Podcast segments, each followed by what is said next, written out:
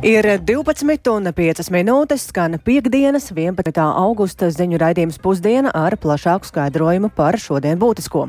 Studijā Dāca Pēkšēna, esiet sveicināti! Un kā jau tikko dzirdējām ziņās, tad tik tikko ir beigusies premjera Krišāņa Kariņa no jaunās vienotības un līdzšinējo koalīcijas partneru Nacionālās apvienības un apvienotā saraksta tikšanās. Kariņš ir nolēmis sākt sarunas par jaunas valdības veidošanu, bet pašlaik nedemisionēšot. Atgādināšu, ka vakar, aizvakar Kar, Kariņš izteica ultimātu, pie kādiem nosacījumiem būtu gatavs strādāt līdzinējā valdības sastāvā, proti nomainot atsevišķus ministrus un parakstot piecu punktu memorandu. Partijām Uz to šodien bija jāsniedz atbilde. Vēl agri no rīta pirms šīs tikšanās apvienotais saraksts un nacionāļi nāca klajā ar īpašu paziņojumu, ka ir gatavi turpināt strādāt valdībā, bet prasa izbeigt ultimātus. Par jaunākajiem pavērsieniem šobrīd esam sazinājušies ar kolēģi Zāni Ēniņu, kura vēl šobrīd atrodas pie valdības mājas. Sveika, Zāne! Labdien, Dārts, labdien, klausītāji! Patiešām esmu netālu no valdības mājas. Un, eh, kā jau Dārts minēja, šorīt uh, bija paredzēta apvienotā saraksta un Nacionālās apvienības tikšanās ar premjeru Krišānu Kariņu, kurā viņš sniegtu savu atbildi par viņa piedāvāto modeli, kā valdībai vajadzētu turpināt strādāt. Šī tikšanās arī notika īsi pirms tās Nacionālā apvienība un apvienotais saraksts bija aicinājuši žurnālistus uz īsu preses brīfingu, kurā ar lielu apņēmību pauda gatavību turpināt strādāt šajā valdībā. Sēmas priekšsēdētājs no apvienotā saraksta Edvards Smiltēns bija paņēmis līdzi valdības deklarāciju, izdrukātu uz uh, vairākām papīra lapām, un, un to rādīja un teica, ka visi šajā dokumentā ietvertie darbi un apņemšanās ir jāpilda. Tas ir tie tautai un sabiedrībai doti solījumi. Darbu pašlaik ir uh, vairāk nekā jebkad. Uh, šo sarakstu vēl vajadzētu papildināt ar jauniem. Uh, Eh, valdības ministri esat gatavi to visu darīt. Tad uh, abu partiju pārstāvji gāja uz tikšanos. Tikšanās ilga uh, vairāk nekā divas stundas. Pēc tās iznāca ārā uh, pirmie uh, koalīcijas partneri, tātad Nacionālā apvienība un apvienotais saraksts. Un atkārtoja apmēram to pašu, ko teica no rīta arī brīfingā, ka viņi ir premjeram apliecinājuši gatavību strādāt, pildīt valdības deklarācijā ietvertos uh, solījumus un darbus, kas jau ar konkrētiem termiņiem ir uzskaitīti. Gan uh, skolu tīkla sakārtošanā, gan uh, slimnīcu tīkla sakārtošanā, uh, finanšu tirgus un tā tālāk un tā joprojām. Un, uh, ka, taču uh, koalīcijas partneriem nebija pieņemams premjeras piedāvājums uh, veikt uh, ministru rotāciju. Uh, šim solim viņi nesaskatīja nekādus pamatus, jo, mini, nekādu pamatu, jo ministrus parasti nomaina tad, ja viņi slikti strādā, bet šajā gadījumā nekāda kritika par uh, abu nomaināmo ministru darbu nav izskanējusi. Un, uh, To visu viņi ir izklāstījuši šīs tikšanās laikā, un pēc tās premjerministrs esot uh, pateicis paldies, piecēlies un izgājis no telpas. Tad uh, pēc brīža arī uh, nu, no kā arī tātad, eh, bija saprotams, ka nu, eh, šādā veidā, šādā salikumā valdības koalīcija darbu vairs neturpinās. Bija sagaidāms, ka arī premjerministrs Krišāns Kariņš varētu iznākt ar paziņojumu par šīs valdības krišanu, taču viņš uh, priecīgi paziņoja, ka turpinās strādāt. Mēs varam paklausīties, ko viņš teica. Beidzot, ir skaidrība no partneriem. Viņi nepiekrīt manam piedāvājumam Paldies eh, par visu līdz šim. Es aizvien atturēšos no kritikas eh, par maniem partneriem vai par konkrētiem ministriem.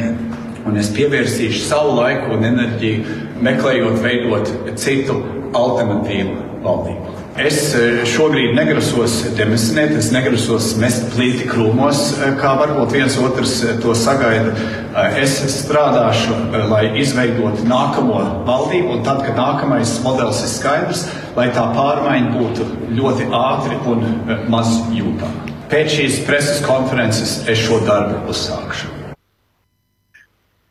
Jā, tātad šāds uh, interesants iznākums šīs dienas tikšanās. Uh, esošie koalīcijas partneri vairs uh, nespēja uh, turpināt sadarbību. uh, premjeras arī neredz iespēju ar viņiem turpināt strādāt. Tomēr esošā valdība turpinās strādāt. Paralēli premjerministrs Krišāns Kariņš sāks sarunas par jaunas valdības veidošanu ar ZZS un progresīvajiem un iespējams arī ar kādām citām partijām. Un paralēli esošā valdība turpinās darbu. Tāds ir šīs dienas tikšanās iznākums. Dace? Paldies Zanai Ēniņai. Tāda tātad notikumu gaita šodien valdības mājā, kam plašāku skaidrojumu esam šobrīd lūguši politologam un sabiedrisko attiecību speciālistam Filipam Rajevskim, kurš pie telefona klausos. Labdien! Labdien! Ko šāda situācija īsti nozīmē? Valdība mums šobrīd turpina strādāt vai tomēr vairs ne? Nu, šī situācija gaužām saudabīga, jo uh, nu, nevar teikt, ka šāda valdība vispār ir spējīga strādāt, kur ir šāds pretruns. Un jau ir paziņots, ka būs jauna valdība. Tāpēc uh, nu, man ļoti, ļoti izbrīna tas, kā, kā Kariņš kungs nu, cenšas nu, to, teiksim, tā, demonstrēt vēlmi iekrampēties uh, pie tās varas stūres. Uh, un, un, un gan vienlaicīgi turpināt strādāt, gan vienlaicīgi veidot jaunu koalīciju, kurai, uh, kuras veidošanai aizvien vairāk un vairāk sāk zust uh, loģiskais pamats.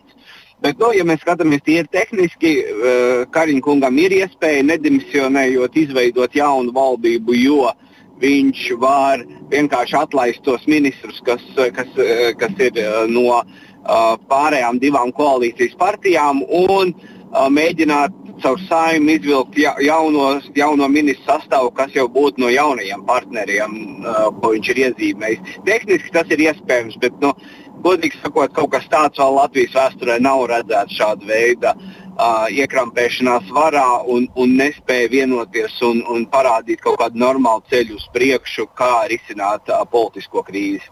Nu jā, tā tad ar pašreizējo koalīciju nav gatavs turpināt darbu, taču nedemisionē.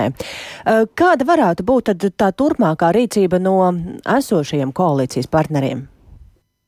Nu, es domāju, ka viņiem ir dilemma. Viņi var pielikt punktu šai agonijai un, un izteikt neusticību premjeram un nogāzt šo valdību. Viņiem šādas iespējas ir, bet es domāju, ka viņiem ir arī izdevīgi šī neērtā pozīcija, ir, uh, kā, kurā ir nonācis Kariņš. Uh, kā šodien jau Smiltēns teica, viņa 70 pār dienas jau ir šī neveiklā pozīcija un redzams, ka šodien nav devusi nekādu risinājumu. Līdz ar to tur var būt vēl arī simtā un 110. un 120. diena, kad ir šāda agonija, ka it kā ir valdība, kura strādā, it kā ir premjerministrs, kurš strādā, bet rezultātā uh, mums nav valdības un tiek kaut kādas sarunas veikts uh, krustšķērsus ar uh, politiskajiem partneriem, tai vietā, lai risinātu sabiedrībai samilzušās problēmas. Ko mēs varam šajā brīdī runāt par prezidenta lomu, jo patiesībā, veidojot jaunu valdību, arī nu, viņam ir teoretiski iespēja arī nenominēt Kariņu vairs kā premjeru. Jā, es, tas man liek, tas, kā Kariņš kungs operē un risina šo problēmu, liek man domāt, ka viņš nav pārliecināts, ka viņš varētu tikt nominēts kā nākošais premjerministrs un ka viņš varētu tikt teiksim, tā, nomainīts. Bet es nedomāju, ka tas ir vairāk prezidenta jautājums, jo prezidents tomēr lielā mērā dara tā, kā viņam nu, piedāvā politiskās partijas. Protams, prezidentam ir ietekme un spēja ietekmēt personālīs, bet gal galā tomēr te ir galvenā loma politiskajām partijām. Te es vairāk vērstu uzmanību uz to, kas notiek pašā uh, vienotībā, partijā iekšējā, vai partija vienotība ir komfortā ar šādu uh, kariņa uh, darbošanos. Vai jums ir kāds prognozes, cik ilgi nu, šāda neskaidrība varētu turpināties? Ai, nu šobrīd tas ir. Man jau likās, ka jau, jau prezidenta vēlēšana dienā, kad sākās šīs, kad nu, nu, nu cik nu, nu mēnesis, labi, mēs varam teikt, ka ir uh, vasaras atvaļinājums bijis un tas tā kā ievilka. Bet nu, es domāju, ka tas, kas ļoti spiež uz valdību, tas ir nākošais budžets, un budžetam jābūt parlamentā 1. oktobrī. Līdz ar to līdz, un, un viņam jābūt apstiprinātam arī valdībā. Šādā valdībā, kur ir šādas savstarpējās attiecībās politiskās partijas, es neticu, ka var pieņemt lēmumus par budžetu. Paldies eh, par skaidrojumu. Šajā brīdī sāku politologam un sabiedrisko attiecību speciālistam Filipam Rajevskim, kuru iztaujājām par šīs dienas situāciju valdībā. Tātad um, ir beigušās sarunas premjeram ar koalīcijas partneriem un Kariņš ir nolēms sākt sarunas par jaunas valdības veidošanu, bet pašlaik nedemisionēt.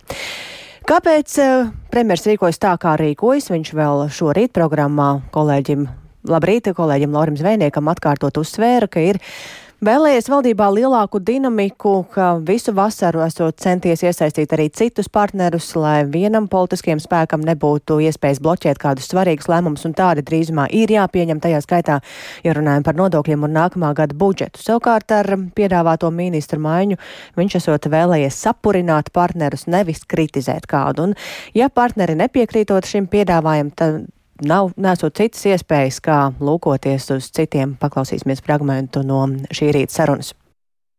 Nu, tad kas cits man atliek, man atliek skatīties, kas vēl saimā ir? Nu, tur ir progresīvie un ZZS, tā būtu koalīcija ar tikpat, laikam, vēl tur vienu vai divu balsīm pat mazāk. Nu, tāda alternatīva valdība tas arī nekas ideāls nav, jo būs analogas uh, problēmas ar to, ka būs pārāk šauras balsis, lai virzītu uh, pārāk plašas reformas. Un tā mēs valstī, ja mēs nevaram paplašināties, es prognozēju, ka mums vienkārši būs grūti. Šo Jā. nepilnu piecu gadu laikā mēs no Igaunijas esam atpalikuši par desmit gadiem. Jūs domājat, ka jūs esat tas, kurš varētu veidot tālāk valdību? Vai es esmu vienīgais nekādā gadījumā, vai es esmu pareizais to, lai lemj citi? Bet eh, es saredzu, kas ir darāms. Eh, mums tā atpalicība no kaimiņiem tā ir diemžēl diezgan dziļi struktūrāla. Un tas ir taisa skaitā, ka mums ir vesela virkne reformas, kuras mēs esam iekavējuši. Nu, kas būs nē, ar nē, nodokļiem? Jūs līdz gada beigām es... plānojat spriest par nodokļiem, tad nekādas nodokļu reformas no nākamā gada nebūs. Atkal vēl iekavēsies. Ministri tādas simts dienas, kamēr iekustēsies, atkal viss atliekās. Iepriekšējā saimā mēs pēdīgi pieņēmām uh, pašvaldību reformu lai sakārtot administratīvo kapacitāti valstī. Šajā saimā ir jāpieņem eh, pa virs, lai uzlikt slimnīcu tīklu un izglītības tīklu, lai viņš arī būtu darboties spējīgs tas, ko mēs varam atļauties. Tas ir tas process, kurā mēs šobrīd esam. Lai veikt šādas reformas, ir vajadzīgs diezgan liels balsu skaits. Iepriekšējā saimā bija kaut kur 65, 66, 63. Nu, viņš kā visu laiku svārstījās, bet visu laiku virs 60. Šoreiz ir 54 balsis. Tas ir pārāk šauri. Es eh, saredzu vairākus modeļus, kas mums atkal uzlikt virs 60. Tas ir tas, kas mums būtu jādara. Es neesmu tik pesimistisks kā viens otrs par mūsu valsts eh, attīstību. Es absolūti nepiekrītu, ka viss ir slikti. Tas ir vienkārši negodīgi pret sevi. Tā ir faktiski manā vērtējumā tā ir tāda Krievijas propaganda, kas visu laiku cenšas iestāstīt mums, ka mums kaut kas ir neizdevies. Latvija ir ļoti izdevusies valsts. Un tik tālu premjeras Krišjānis Kariņš, tad atgādināšu, ka karstākā ziņa šobrīd ir tā, ka viņš ir nolēmis sākt sarunas par jaunas valdības veidošanu, bet pats neatkāpsies. Ko tas īsti nozīmē, to uzklausot politiķu un arī ekspertu viedokļus, plašāk skaidrosim vēlāk raidījumā pēcpusdienam. Bet, nu, pievēršamies satraucošām ziņām, ko saņemam no Ukrainas. Tā šodien um, dienas pirmajā pusē ir piedzīvojusi jaunu Krievijas raķešu uzbrukumu, un par to vaicāsim vairāk Latvijas radio korespondentei Ukrainā Indrai Sprāncei. Labdien, Indra! Labdien! Jā, šodien īsi pirms desmitiem visā Ukrainā tika izsludināta gaisa trauksme, un jau pēc dažām minūtēm Kīivas centrā bija dzirdami ļoti spēcīgi blīkšķi, strādāja pretgaisa aizsardzības sistēma. Atbilstoši šobrīd zināmajai informācijai, Krievija bija izšāvusi virskaņas raķetes Kinžālu, un virs galvaspilsētas notriekta vismaz viena, un tās atlūzas ir nokritušas Kīivas Obolonskas rajonā bērnu slimnīcas teritorijā. Pēc sākotnējās informācijas cietušo nav un arī postījumi nesot nodarīti, un šobrīd tur uz vietas strādā glābšanas dienesti. Tāpat raķešu atlūzas kritušas vēl divās vietās Kīvā, vienā sabojājot kādas privātmājas jumtu, otrā atlūzas piezemējās vasaras kooperatīvu teritorijā, bet arī tur šobrīd netiek ziņots par cietušajiem. Kopumā pēdējās dienas laikā Krievija Krievija uzbrukot civilajai inf infrastruktūrai Zaporīžies, Hersonas, Donetskas un Harkivas apgabalos, nogalinājis trīs civiliedzīvotājus, bet ievainojis 46 atbilstoši šo apgabalu kara administrācija apkopotajām ziņām, un smagākais uzbrukums ar Iskander raķetēm bija vakar vakarā Zaporīžjā, kur trāpīts viesnīcai, un šajā uzbrukumā bojā gāja viena sieviete, bet 19 cilvēku guva ievainojumus, tajā skaitā arī vairāk bērni. Un šis uzbrukums izpelnījies arī apvienoto nāciju organizācijas vietējās Ukrainas pārstāvniecības vadības nosodījumu, jo viesnīca, kurai trāpīja raķete kā bāzes vietu, ik pa laikam izmantoja arī ANO pārstāvi, kas strādā te Ukrainā. Un uh, smagi uzbrukumi turpinās arī Hersonai un tās apkaimē. apkaimē. Uh, šorīt trāpīts daudzstāvu dzīvojamajai mājai Hersonā, bet Berislavā Hersons apgabalā ar dronu palīdzību nomestas sprākstvielas uz humanās palīdzības sadalas punktu. Līdzīgi Hersons apgabalā uzbrukts vēl vienam humanās palīdzības izsniegšanas punktam, tur bija arī cietušie. Un, diemžēl apšaudas turpinās arī uh, desmitiem citām Krievijas robežai tuvāk esošajām pilsētām un ciemiem. Tā, piemēram, Černīgijas apgabals pēdējās dienas laikā apšaudīts desmit reizes, un regulārs apšaudas turpinājās arī Summa apgabalā un daudz viet arī citur. Paldies, Indrai Sprancei. Turpināsim sekot arī ziņās um, notiekošajam Ukrainā, bet šajā brīdī pievēršamies tam, ka ASV piedarošajās Havaju salās nerimstas plašie savvaļas ugunsgrēki, kas jau vairākas dienas plosās arhipelāga otrajā lielākajā salā Maui.